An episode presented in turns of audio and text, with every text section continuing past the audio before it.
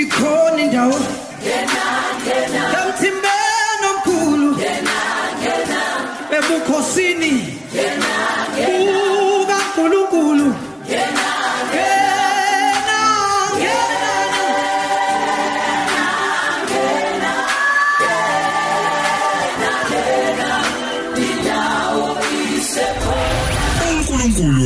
Omusha Isikhathi 12 minutes past 8 eh angaphandle kokuchitha isikhathi ngifuna ukuthi siqale ngengxoxo yethu namhlanje njengalokhu ke sisusa lapha yange sonto ledlule ingxoxo lena ekhuluma ngendaba eh lekuthiwa ngesingisi tithing eh okukhipha okweshumi. Namhlanje ke eh, ubaba uBishop Thanda Zulu eh ngokuba umsebenzi kaNkuluNkulu umningi kodwa izisebenzi zingcosana. Akakwazanga ukuthi ahlanganyele kanye nathi kodwa wathi na kanjani ubaba uApostle PD Ngcobo uzokwazi ukuthi asisize asiphendulele imibuzo esinayo ngaso lesi sihloko. Babu Apostle angikubingelele ngikwamukele kuNkulunkulu umuntu omusha Ah sibingelela kakhulu eh si- sinomsakazo othandekayo sibingelela nakubalaleli bonke bokhozi FM. Siyabonga kakhulu ukuthi uthathe isikhathi sakho baba uzoba nathi namhlanje sabantu abasha eh siyaye sibe nemibuzo mhlasimpe abanye abantu baye bacabanga ukuthi ithe phecelezi. Kodwa mangaba lemibuzo ingaphendulekanga eh, kungaze kugcine kube ukuthi ubudlelwane bethu noNkulunkulu eh buba i- i- i- indaba e- ebanzima. Eh sikhuluma la ngendaba yoku- yokukhishwa kokweshumi Si- siqalile nobaba uBishop ngesonto ledlule. Kodwa nje ukuthi si- si- siphinde sakhele umlaleli okade engalalele ngesonto ledlule isithombe kuyini okweshumi? Okweshumi mhlambe ngendlela ezobalulana ukuthi kulokho uNkulunkulu akubeka esandleni sakho uthathe ifraction ka 1 over 10 kusho ukuthi makunezinto eziwu10 esandleni sakho eh ubala kusukela ku1 mawufika ku number 10 lokhu ka 10 bese wazisa ngakho uNkulunkulu njengomnikazi wezinto njengomuntu ezivela kuyena. izinto kusho ukuthi okweshumi sisuke sikhuluma ngokuthi uma uNkulunkulu ekunikeza isivuno ensimini yakho em samazambane awu100 wena ubheka u10% walawo mazambane awu100 ukuthi ungakanani. Okuyobe kusho ukuthi uzothatha u10 uhonorishe ngawo uNkulunkulu ukuthi ngiyazi ukuthi lamazambane bekungenzeka ngitshale angamili ngingabi nesivuno esingaka. Kodwa wena mnikazi wenhlabathi nokwazi ukwenza isimangaliso ngaphansi kwenhlabathi mangifake impewu ngiyakubona ukuthi unginikezile lesi sivuno. Kube kungandisela isivuno sami njalo. Yikona ngiletha lawa u10 kuwena Mm. mm. Ngi- Ngiyayithanda le eh, oyithintayo baba ukuthi uthi qhubeka mnikazi womhlaba qhubeka mnisiwe mvula eh ukuthi unikeze lesi le- le- lesi sivuno engisitholile ngoba sithe masi masiyivala no- no- nobaba uBishop ngesonto ledlule siye sayivala eh bekade sesizokhuluma ngokuthi uma ke ungakwenzi lokho kwenzakalani? Imiphi imiphi imphumelo oyibonayo uma ngaba uzothatha isivuno samazambani ayi100 uwathathe wonke wadayise wonke noma uwadle wonke unganikezeli eh u- uNkulunkulu lokhu akulindele ukuthi umnikezele kona? Ngesintu sakithi ngoba okweshumi ne naboma first fruit bavela kwi heart of gratitude enhlizweni ebongayo number 2 kuvela kumuntu oqondayo ukuthi ayikho into enginobunini bayo ngingayinikezwanga uNkulunkulu. Kodwa lokho enginako ngikuphethe ngokuvuma kukaNkulunkulu uNkulunkulu angakubiza noma yini esandleni sami. Uma sekubiza ngiyokudedela ngoba ngazi ukuthi okwakhe vele unelungelo lokukubiza athi ufuna ukukusebenzisa noma kanjani now number 1 ngokwesintu sakithi uma umuntu engenayo inhliziyo yokubonga noma ngabe wenzelwa ini ubani uma kodwa engenayo inhliziyo yokubonga eh vele athathe into athi bekufanele nginikezwe lento angabi nenhliziyo yokubonga lo muntu uvama ukuvala amathuba alandelayo ukuba anikezwe izinto. Ngokwe ngokwe Old Testament izigaba zimbili. Kunesigaba sokuqala sokukholwa kuka-Abraham. Bese bakhona isigaba sesibili somthetho kaMose njengoba sazi sonke ukuthi izwi likaNkuluNkulu lithi umthetho wafika ngoMose kodwa umusa wafika ngoKristu Jesu. Now lesi sigaba somthetho kaMose sinama consequences abhaliwe ukuthi mawusuku ungakhipha ngokweshumi kwenzakala angiyayingathandi ke ukugcila esemthethweni kaMose ngoba umthetho wafika noMose but la encwadini kaGenesis uMoses wayengakabi khona futhi uMoses wayengakanikezwa umthetho. Bekusakhona uAbraham bekusakhona uIsaka bekusakhona oJakobe la into esiyaziyo ukuthi isambulo esatholwa uAbrahama nesatholwa uJakobe esokuthi uAbrahama mayebuya empini kaKedolowama eyo rescueisha eyo eyosiza umfana kabhuti wakhe uLot wabuya namadoda awu-318 ayewaqeqeshile ngaphansi komuzi wakhe engamadoda ezokwazi ukunqoba ngawo izimpi akwazi ukuphepha yena nesizwe sakhe. Now ubuya nenjabulo yokuthi banqobile kodwa uMelchizedek okuyena owayerepresent uNkulunkulu kuleso sikhathi owayethunywe uNkulunkulu eze ukuzonikeza uAbraham not only isinkwa newayini kodwa ezomnika nesibusiso esivele enkosini. Wathi uma kwenza lokho wakhuluma amazwi athi ubusisiwe wena Abrahama ubusiswe uNkulunkulu ophezkonke umnikazi wamazulu lomhlaba wayesekhuluma lamazwi onikele izitha zakho esandleni sakho ngamanye amagama the victory doesn't belong to you Abraham. Ukunqoba kwenu kulempi akuveli kini nobuchwepheshe bokulwa kodwa uNkulunkulu onikele izitha zakhe esandleni sakho. Number 2 leyo nto iveza isambulo esithi kusho ukuthi lama spoils ababuya nawo empini lemhlomulo ababuya nayo empini kuma ancient wars ngekhathi endala amakuka amakhosi kwakuthi uma lenkosi inqoba bese ithatha ingcebo yalelo bizwe ithathe nabantu aba ezobasebenzisa njengezigqila ezweni lakhe. Ithathe lokhu nalo igolide isiliva inkomo imbuzi amakhamela ithathe njengomhlomulo to ama-spoils leyo nto. Uma ke bebuya nalezi zinto bebebuya nazo njengezinto zabo zamandla abo.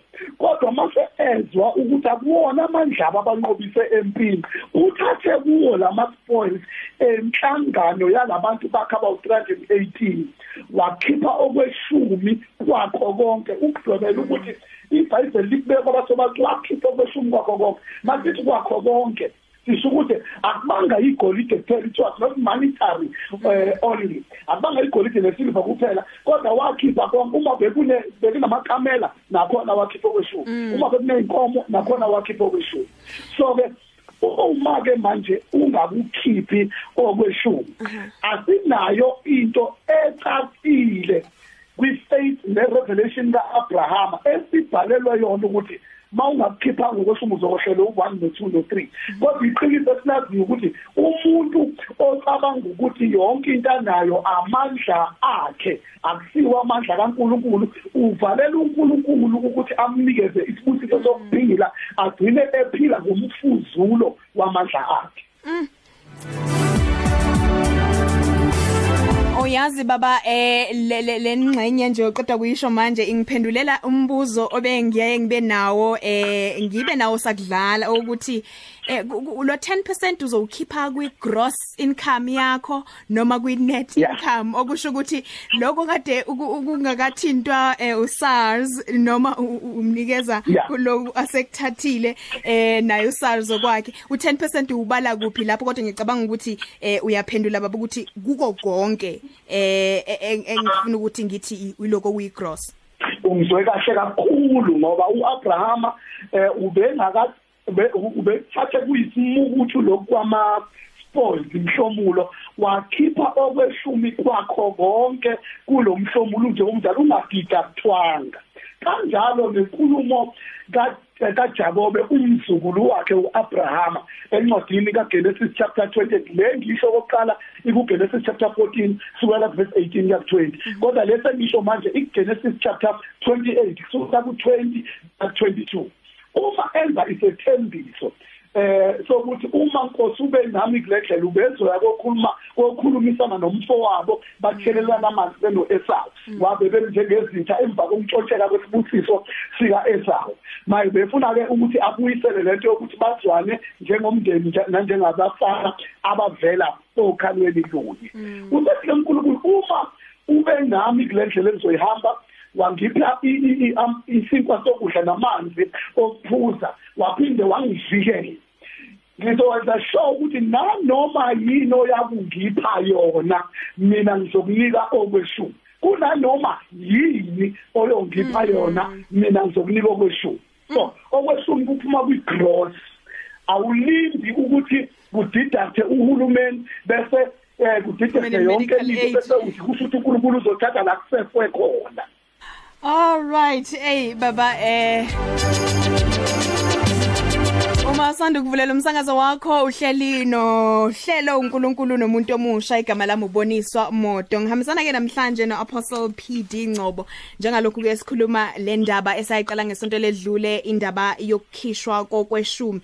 Ngibona imibuzo eminingi ke la ku Facebook eh ngicabanga ukuthi futhi uhlelo la namhlanje ngibe ngifuna kakhulu ukuthi ngithole imibuzo ephuma kubantu abasha emakhaya njengalokhu ke singazange kwazi sazange sikwazi ukuthi siyithathe ngesonto ledlule. Ngibona nomvula Deli eh eBackville uthi amen sisiboniswa waze wayikhuluma indaba. Ngicela ukubuza ukuthi uma ngabe usebenza kodwa uhola imali encane ngalendlela yokuthi awukhoni ngisho ukwenza izinto zanele kodwa ngenhliziyo uyafisa ukunike ukukhipha kweshumi ngabo ngabe lokho sekumele kube yinkinga eyenza ukuthi kube ngathi ungumuntu ongawugcini umthotho wenkonzo na? Eh owokuqala lo mbuzo baba eh ngifisa ukuthi ngiuhlanganise nowesibili.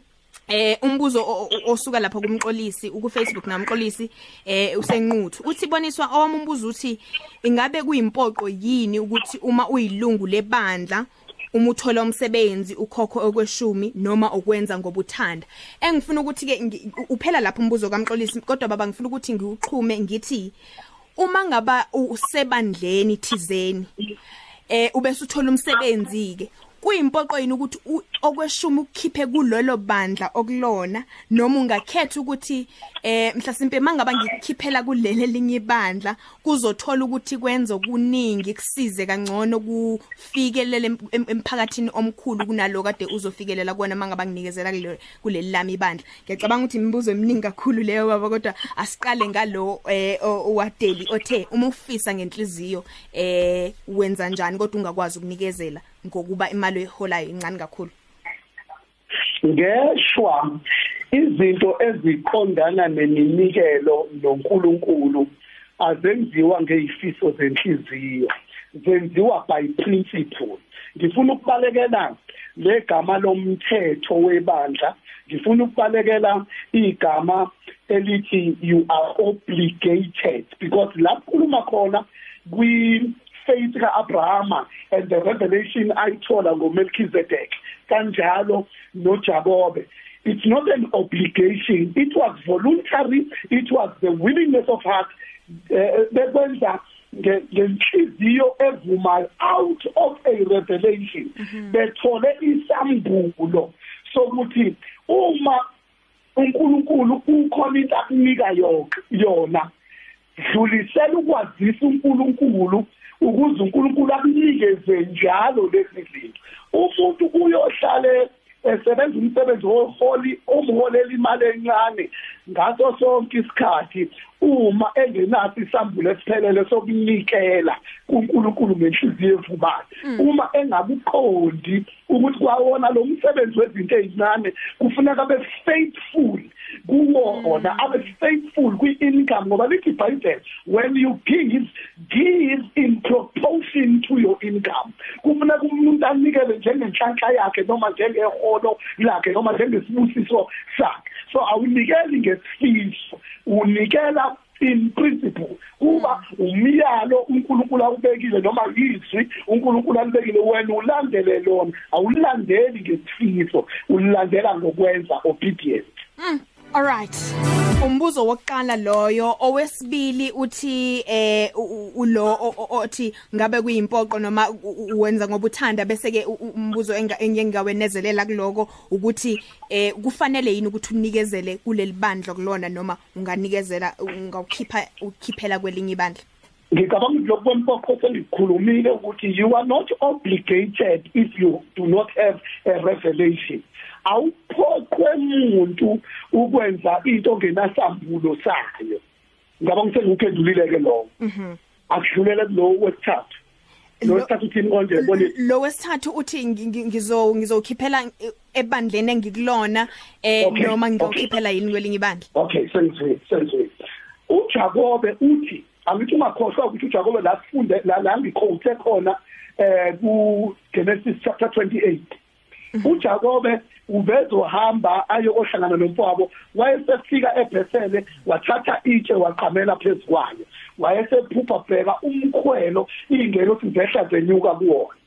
Ukhuluma lamazwi nje kusemva kokuphupha leliyaphupho usethi ke leli lelitshe engilenzela bayinsika la ngizolenza libe yindlu kaNkuluNkulu.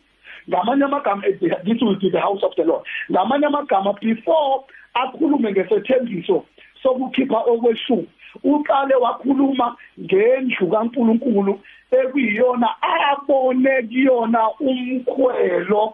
Othinta esihloko sawo sithinta ezulwini. Ngamanye amagama okweshumi awukukhiphi noma kuphi ukukhipha lapho wondliwa khona ebandleni. Uma ufisa ukunikelela elinye ibandla wenza nje umnikelo oqonde nalelo bandla kodwa ongaphazamisi iprinciple yokweshumi oyifundiswa yizwi Okay.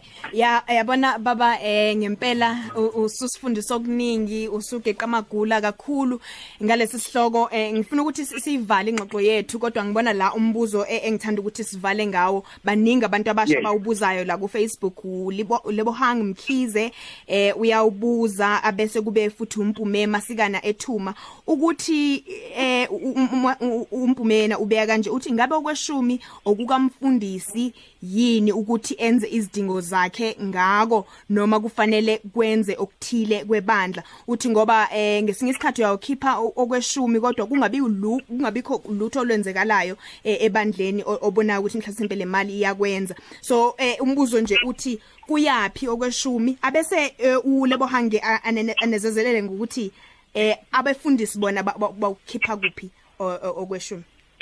Alright ngokwe ngokwale ngokukaGenesis sibona uMelchizedek owumpriesti futhi oyinkosi. Ngamanye amagama ipriesthood kaMelchizedek ipriesthood efike ngaphambili kwipriesthood kaAaron okuyipriesthood yomthetho. Kwi kwi dispensation yelaw esikhathini somthetho okweshumi bekunikezwa amalevi bese amalevi akhiphe okweshumi kokweshumi akunikeze umpriest amalevi wobani amalevi yizisebenzi kwithabanakele nasethempelini ngokwe Old Testament. Kumalevi kwakukhona abantu abanjengabantu aba abakwi kwi-mass choir abanjengabantu abasebenza yonke into engaphakathi endlini kaNkuluNkulu. Njengabantu mhlambe aba- abadlala ugubhu abadlala eh ama isound ngokuhlukahlukana kwabo. Bese kuphinde kube khona umpriest ukuthi uma amalevi amkela okweshumi kubantu bakwaIsrael ngamanye amagama alula kwi-law okweshumi bekukhokhela bonke abantu abayisebenzi endlini kaNkuluNkulu. Angisho kanjalo. Kodwa mawubuka le kwisambulo sika Abraham uqondiswe ngqo kumpriest umpriest ubani? Umpriest lo muntu othunywe to represent God amongst men. So kuGenesis kuqondiswe ngqo kumpriest and then umpriest umi kanjani? Ngoba sikhuluma ngeprinciple yokweshumi. Umpriest uyi representative prerogative ye-government noma ye-kingdom. Le asuka imele kusho ukuthi umpriest uyena okwamukelayo esikhundleni sikaNkuluNkulu akusebenzise for righteous purposes emsebenzini kaNkuluNkulu. It is just that it is not explicitly uh, uh, given kwi in the book of Genesis ukuthi uMelchizedek wakuthatha wayesekwenzani kodwa siyazi ukuthi kuya kuye ngqo. Then kwi New Testament siyazi ukuthi from the dispensation of law ama ama priests nama uh, Levites yiwona be administrate ama finances kodwa kwi New Testament the apostles are the ones who administrate ama finances ebandleni that is Acts mm. chapter number 4 kusukela lapha ko verse 31 kwehla. Sibona ngisho umlevi obizwa kuthiwa eh uBanaba. Lo mlevi lo aprinya engasamukeli kodwa naye sekhipha iminikelo eyisa enyaweni zabapostoli in other words sekushintsha isystem Mm. from the Levitical system to the apostolic system. We administration of finances in the church. Mm. Yabona onendlebe uzwile eh baba siyabonga kakhulu ngesikhatsi sakho siyabonga kakhulu ngokuthi uzosikhanyisela eh ngolwazi onalo ubeshila ubishop ukuthi ngempela lesi sihloko ofundisa kakhulu ngaso eh emabandleni ahlukahlukene. Siyabonga kakhulu ngesikhatsi sakho namhlanje emsakazweni ukhozi baba. Angazi eboniswa ngibone kancane em uma kuwukuthi ngisengawuphendula lo mbuzo engiwubone kancane ngenxa kaBishop uThanda othi freelancers and entrepreneurs who do not have a steady income how do they commit to that 10% ehe yebo baba bese unganginika ithuba ngiphendule lo mbuzo singa singadlula nje kuona sesivale. Asidlule nje kona siphuthuma. Lapha kuAbrahama ngoba babebuya empini. Sithatha sithi i corporate side it's a business plan kulawo ma spoils abasuke bewatholile ngaleso sikhathi bese beyakhipha. Angilinganiseke lona ozisebenzayo kungabe uyisebenza ngoba ama tenders i construction whatsoever uyaye abe ne tender ka 5 million bese leyo tender ka 5 million eh asebenze. Mayeqeda ukusebenza holela abasebenzi akhokhela equipment ade eyisebenzisa bese asale nento okuthiwa i-business profit. Kulento okuthiwa i-business profit. Ukhipha okweshumi kwebusiness ngoba li-entity ibusiness. Bese uma naye kulabantu ade beholela ubeziholela usezokhipha lokhuya kukaJakob okuthiwa i-individual side. Nanoma ikupho yami ngipha kona okuqondene nami ngiyokunika okweshumi. Eh baba besibe sesidlula sesivala kodwa ngithanda le ukuthi nebusiness la nalo njenge entity eh lizokhipha walo 10% Yes. Ibusiness entity livumele liwumuntu ozimele. Ukuze utshengise uNkulunkulu ukuthi leli business owanginika lona ngiyabona ukuthi noma lithola umsebenzi ngiwuthola ngenxa yakho noma liphumelela lephumelela ngenxa yakho aliphumelele njalo. Then iyazimela itithe yakhona. Eholweni lakho from your wages now lethi individual tithe. uAbraham it's a corporate tithe or business tithe kuJacob it's an individual tithe mm ngiyacabanga ngoba ke eh ngempela mangabe ukhuluma ngesivuno ibusiness nalo libe naso isivuno ekumele kube ukuthi u10% waloso sivuno asibuyele kuNkulunkulu. Siyabonga kakhulu eh babu apostle siyabonga ngesikhathi sakho eh uNkulunkulu akubusise njalo. Sisibonisa nabalaleli bokhosi FM angibonge kakhulu uNkulunkulu angithumele mina anibuthele amen siyabonga.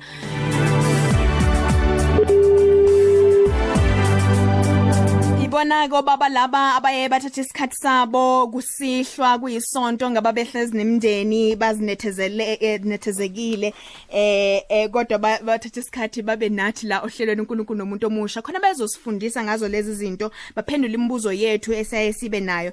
Eh namhlanje ke besikhuluma ngayo indaba yokukhishwa kweshumi sikhuluma no Apostle PD Ngcobo. Sasiqale ngesonto ledluleke indaba sasikhuluma no baba uBishop uThanda uh, Zulu. Sibonge kakhulu ke kubona eh obaba bami incekuzi kaNkuluNkulu. Ngaphandle kokupholisa amaseko angeke ngikunikeze intshumayelo yanamhlanje. Reverend eh Mavuso uzokhuluma ngendaba yokuthi uNkulunkulu usinikeza amandla. Munye umlamleli phakathi kwabantu noNkulunkulu. Umuntu Kristu Jesu. Munye umlamleli phakathi kwabantu noNkulunkulu. Igama lakhe uKristu Jesu. Ngathi lo wayebhala wathi mayisefika nje kuleyo ndawo wasekuba khona umbuzayo ukuthi why? Wasephendula ethi owazinikela waba inhlawulo phakathi kwabantu noNkulunkulu the man Christ Jesus. Hallelujah! Angibingelele bazalwane. Eh hey inkosi ngisiza umpostoli eh ubaba unyandeni umpostoli umama udokotela unyandeni ama elders eh entshukumo i-leadership yonke i-fivefold ministry kanye bazalwane abangcwele bonke. Ngivumeleni nginibingelele egameni likaJesu bese ke siyathandaza. Ngicela sithandazele phekwa nanti izwi bazalwane kubhala umprofeti uZakaria chapter number 10 verse 12. Ngicela ke sithandazele phezukwalo. Zakaria chapter number 10 uverse number 12 wakhona. Siza mina Nkosi. Angazi bathandekayo that verse lihle kakhulu kwivenekula le engikhuluma isiZulu. Kodwa ngithanda kakhulu bazalwane kulesi sumusho esibizwa kuthiwa is a new living translation. Igama lenkosi malibongo ngicela ungifundele that version. Sithandazele phezukwakho singathatha isikhathi somshumayeli. Jesus. Siza mina nkosi. Incwadi kaZakaria isahluko iseshumi. Isahlukana esika 12 by my power i will Ma- mani ke inceke yenkosi ukuze singalahleki? Amazwi la afakwe emlonyeni kaZakaria afakwa nguNkulunkulu. It's not by the power kaZakaria It's by the power of our Lord. Ngicela usifunde baba by my power i will make my people strong. Ayikho into abantu bami ezobenza babe strong. It is by my power kungamandla ami. Kusho uJehova sebawothi Ach. and by my authority. Okwesibili labantu bami. Haleluya kukhona ebizwa ngepower ezobenza babe strong babe namandla bese kuba khona into yesibili Ebizwa ngokuthi i-authority igunya. Awusuka. Awawawawawawawa funda mfundisi. And by my authority they will go. Mani mani baba. Jona na ngoba i-authority mabengenayo go! Kodwa mayisikhona i-authority yami they will go. Wherever they wish. Ezobavimba. Cho. wherever they wish. I the Lord have spoken. Bazalwane ngicela masiye emadolweni jona nawe. Our first knee. Power. Our second knee. Authority. Acha cha cha cha cha cha hey uma siye edolweni baba umbuli our first knee. Power. Power. Our second knee. Authority. Authority. Lokho sitamazi awu madoda. Ah. Cela sithandazele phezu kwalokho. Sho. Ngeke ngashuphe mfundisi uRathebe ngifuna leli gama elithi power. Ngilifuna from a theological point of view. Uthi kokhuluma nami i-power is an ability to influence Ach. the physical. The mental and spiritual atmosphere or sphere or world. Ha. unamandla kunyakazisa ngendlela oyithandayo i-physical world. Unamandla kunyakazisa ngendlela oyithandayo i-mental world. Unamandla kunyakazisa ngendlela oyithandayo i-spiritual world. That is power from theological point of view. Awusuka.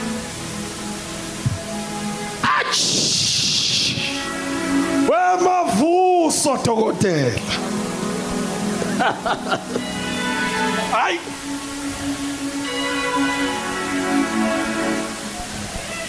ngifuna sithandaze first knee power second knee authority Awusuka. All power. All authority. Nkosi yami ngisize ngilekelele somandla Angithi bazalwane usisi Mary usisi Mary uphila la kule physical power kulomhlaba wenyama ngithi Ah. sekufika ingilozi ithi wena uzokhulelwa Awukodwa sisimere. Uthi kusisimere mina ngiyaunderstand lo mhlaba o physical akakaze akhulele umuntu engahlangabangana engahlangabe engahlangabezananga nendoda. Now ungakhohlwa muli ipower it in it influences the physical world. Ithi ngingilozi lalela ukuqala ngicela ukukutshela lokhu. Okungenzeki kubantu ku physical world kodwa kuNkulunkulu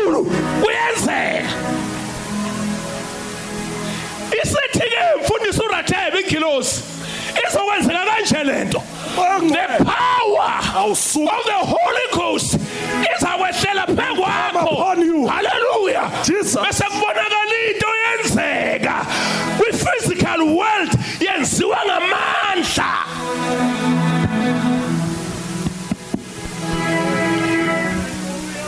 wembula uzoma la Awukodwa bese simara. sithandaza mfowethu liyani izulu Jesus. Power and authority. uthi uPaul mayibhalela lapha ePhilip Yeah. uthi ngekhathi ngiseyiPaul nje bengehluleka kodwa manje haleluya nginamandla Hayibo. okukwenza konke isizathu uKristu onqinisayo Cho cho cho. Akagcini lapho mntaka mavuso. Abesathi ngimazi yena. Ngingagcini ngokwazi yena ngoba akuphelele ukwazi yena nje. Ngasi namandla amvusa kwabafile.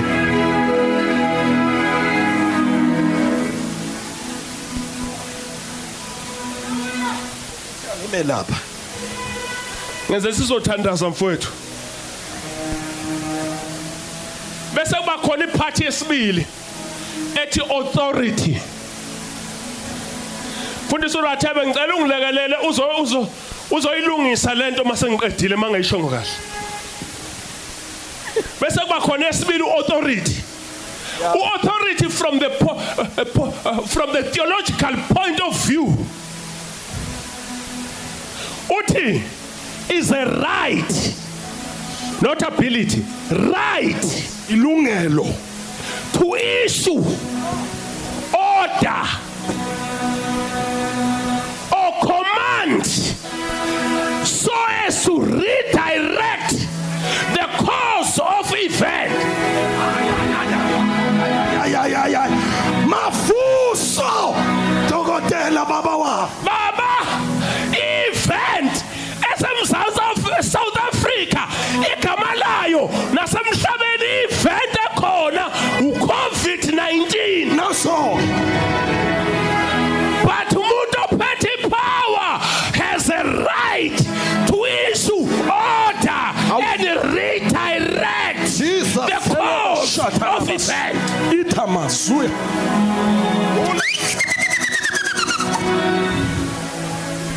mbuli hey. i cause of event is what happened.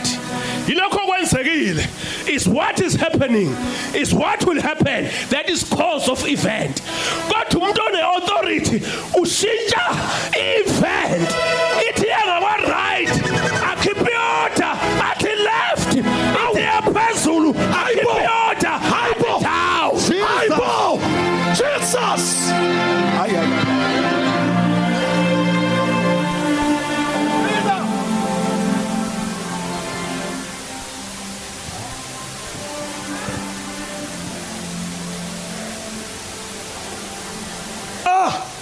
uJehoshaphat uhlaselwa impi useyathandaza.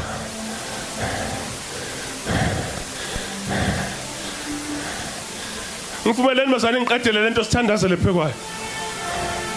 Useyathandaza. Uaddress uNkulunkulu. Uthi wena uNkulunkulu uNkulunkulu awuyena uNkulunkulu ezulwini? Ulwini awuyena uNkulunkulu wembuso yonke emhlabeni? Emhlabeni. Ngithanda i last part of the amandla neko besethi ke esandleni sakho khona amandla. uphethe Amandla. uphethe igunya. Awusuka. We- we- wemuli. Ithi lento uma ethi uDavide ungizungezile. Ngemuva. Ngemuva. Nangaphambili. Nangaphambili. Wabeka isandla wabeka isandla sakho. Phezu kwami. esikabani isandla sihlezi phezu kwami? EsikaJehova. esikaNkulunkulu. Ukhonani kulesandla esiphezu kwami. Amandla negunya hayi ubavusi athi mayisevuka uJesu kwabafile. Matthew chapter 28 verse 18 Ad- address abafundi bakhe athi hey wamadoda sekinikiwe phela. Phiwa amandla haleluya jesus. Amandla hayi ke manje amabili hayi amathathu amandla onke ngilawule ezulwini ngilawule nasemhlabeni.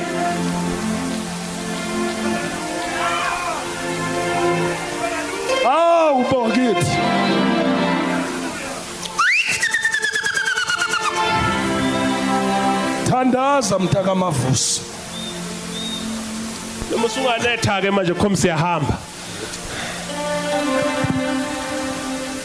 uthani inthandazini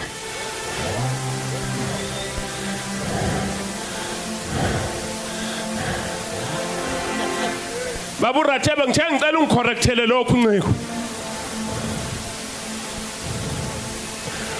uJesu Kristu uma efika ethuneni lika Cela ukulungisa makungekho right. Angithi iauthority you redirect ufika ethuneni lika Lazaro because iauthority iphuma emlonyeni. Ayidinge amandla uyikhipha la. Uyamemeza ngeauthority yakhe uthi Lazarus phuma. Yaphuma into kaLazaro. Akakhishwa ngamandla kwakhishwa iauthority hey.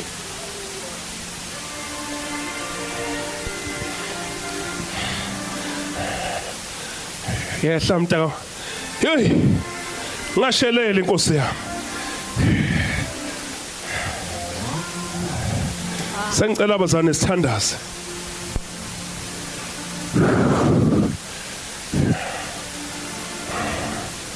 Cela sithandazeni basalana.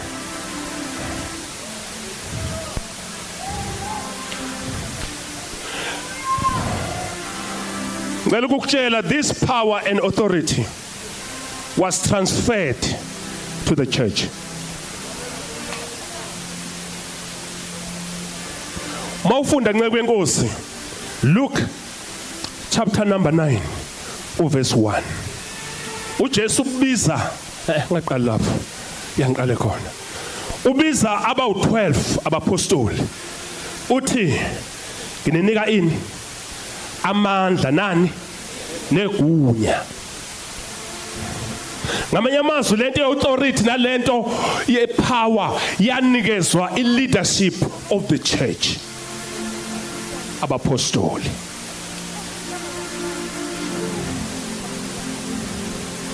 uma eseya ku chapter 10 Luke uverse 19 usebiza abangamashumi ayisikhombisa ubanikeza power and authority.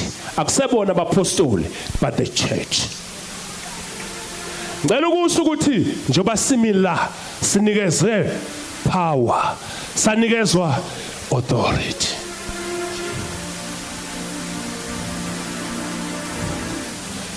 Ngayisho le baba?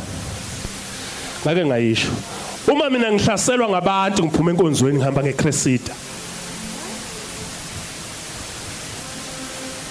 sebengitshelile amadoda asefilidi ngakithi ukuthi akuhanjwe ebusuku ngecresida la.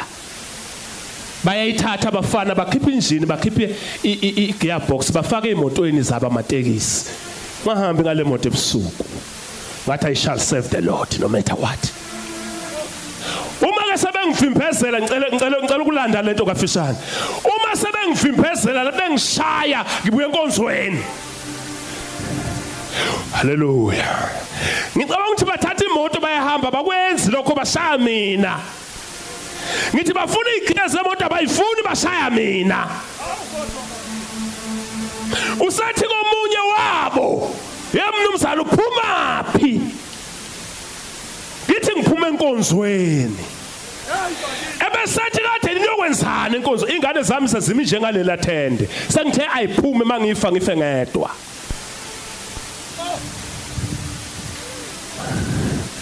Haleluya ngalesikhathi bengibuza ukuthi uphuma phi ngiphuma enkonzo bese buza omunye silly question athi kade uyokwenzani? Bese ngithi ngingumshumayeli adinga ushumayela asho nanka amazwi engawathandayo uma wena ungumshumayeli sithandazele. Ngicela ukulandakele bazalwane. Ngalesikhathi esho njalo ngase authority yami ngathi guqala phansi nibeka isandla bathi bayaziba ngabakhomba phansi. Sengiphethe ke manje authority esikhundleni sokuthi baguqe basuka bathatha imoto bahamba. Because I was using my noma ngangingaphethe isikhali ngaphethe isibhamu kodwa authority esemlonyeni wami is enough. Uthani ke bazalwane bese siyathandaza. Angikhumbuze mbuli ngoba wawungekho. Uma sisentshukumeni eVasbank lana izulu njoba lina nje? Baphazamiseka abangcwele bonke enkonzweni.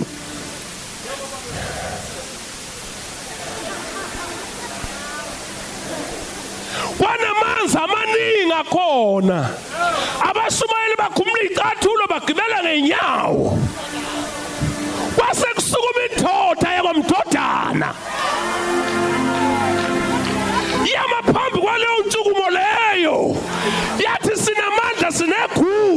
lokushintsha isimo seweather kwase kuyathandazwa mbuli. Yayibo laseliyama izulu why? Authority. Ne-authority ngicela sithatheni ipower and authority yethu and stop the next wave.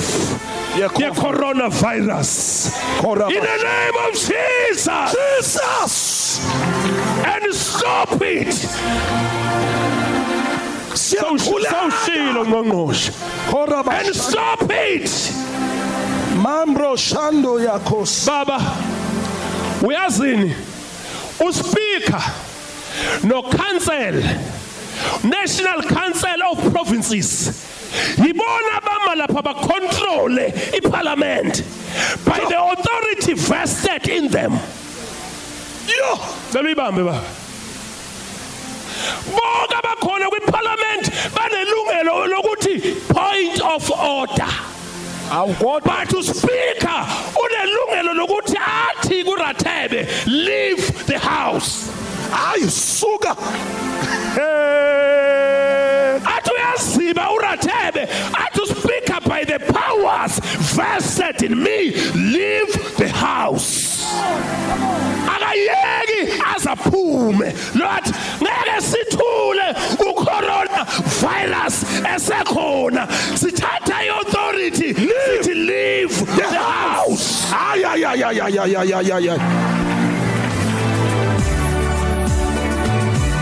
Injumayelo siyethulelwa uReverend Mavuso namhlanje ebusuku kuNkulunkulu nomuntu omusha uthi ngamandla uJehova sinikeza wona ungumsizi oqinisileyo sinamandla negunya power and authority. Yabona le authority le yegunya le ukuthi ukhulume ngaphezulu kwesimo obhekene naso ngaloso sikhathi ngoba unalo logunya lokuthi usishintshe unalo logunya lokuthi ulimi lwakho kukhona amandla eh, ulimini lwakho kukhona amandla okuphilisa nawokubulala yabona ngiyacabanga ukuthi abantu abasha indaba abafuna ukuzizwa ke ngaso lesisikhathi indaba ezifana nalezi sibonge kakhulu ke kuyena uReverend eh Mavuso namhlanje kade sethulela ke injumayelo yethu eh kuhlelo uNkulunkulu nomuntu omusha. uNkulunkulu nomuntu omusha Nobonisa moto.